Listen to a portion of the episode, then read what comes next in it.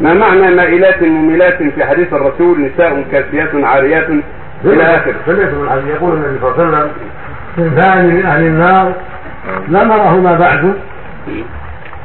رجال بأيديهم سياط كأن البقر يضرب بها الناس.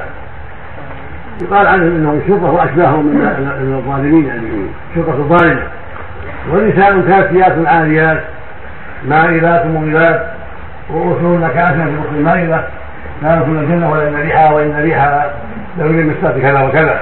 المقصود أن النساء كاسيات عرف أصل ما قاله المشايخ في تفسيرها وأنهن كاسيات من نعم الله عاليات من شكرها. هذا أحد أحد التفسيرات لها.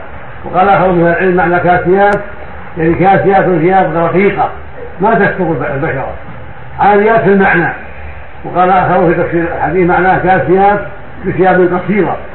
ثياب قصيرة لا تستر كالتي تلبس الثياب التي إلى الركبة أو إلى بعض النخل أو إلى بعض الساق وتكشف الرأس. كل هذه كسبه عالية. فلا تكون كسبه كافية اذا كانت ساتره من المراه كلها. فالنساء الكاسيات العاليات هن اللاتي يلبسن لباسا لا يسترهن إما لقصره وإما لرقته وإما لضيقه والعياذ بالله حتى تبدو أحجام عورتها. هذه كافية بالاسم عالية في الحقيقة.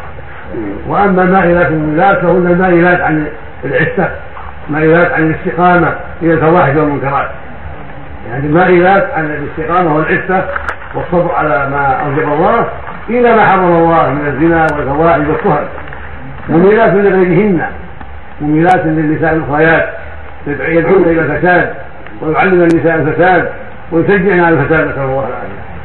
نعم.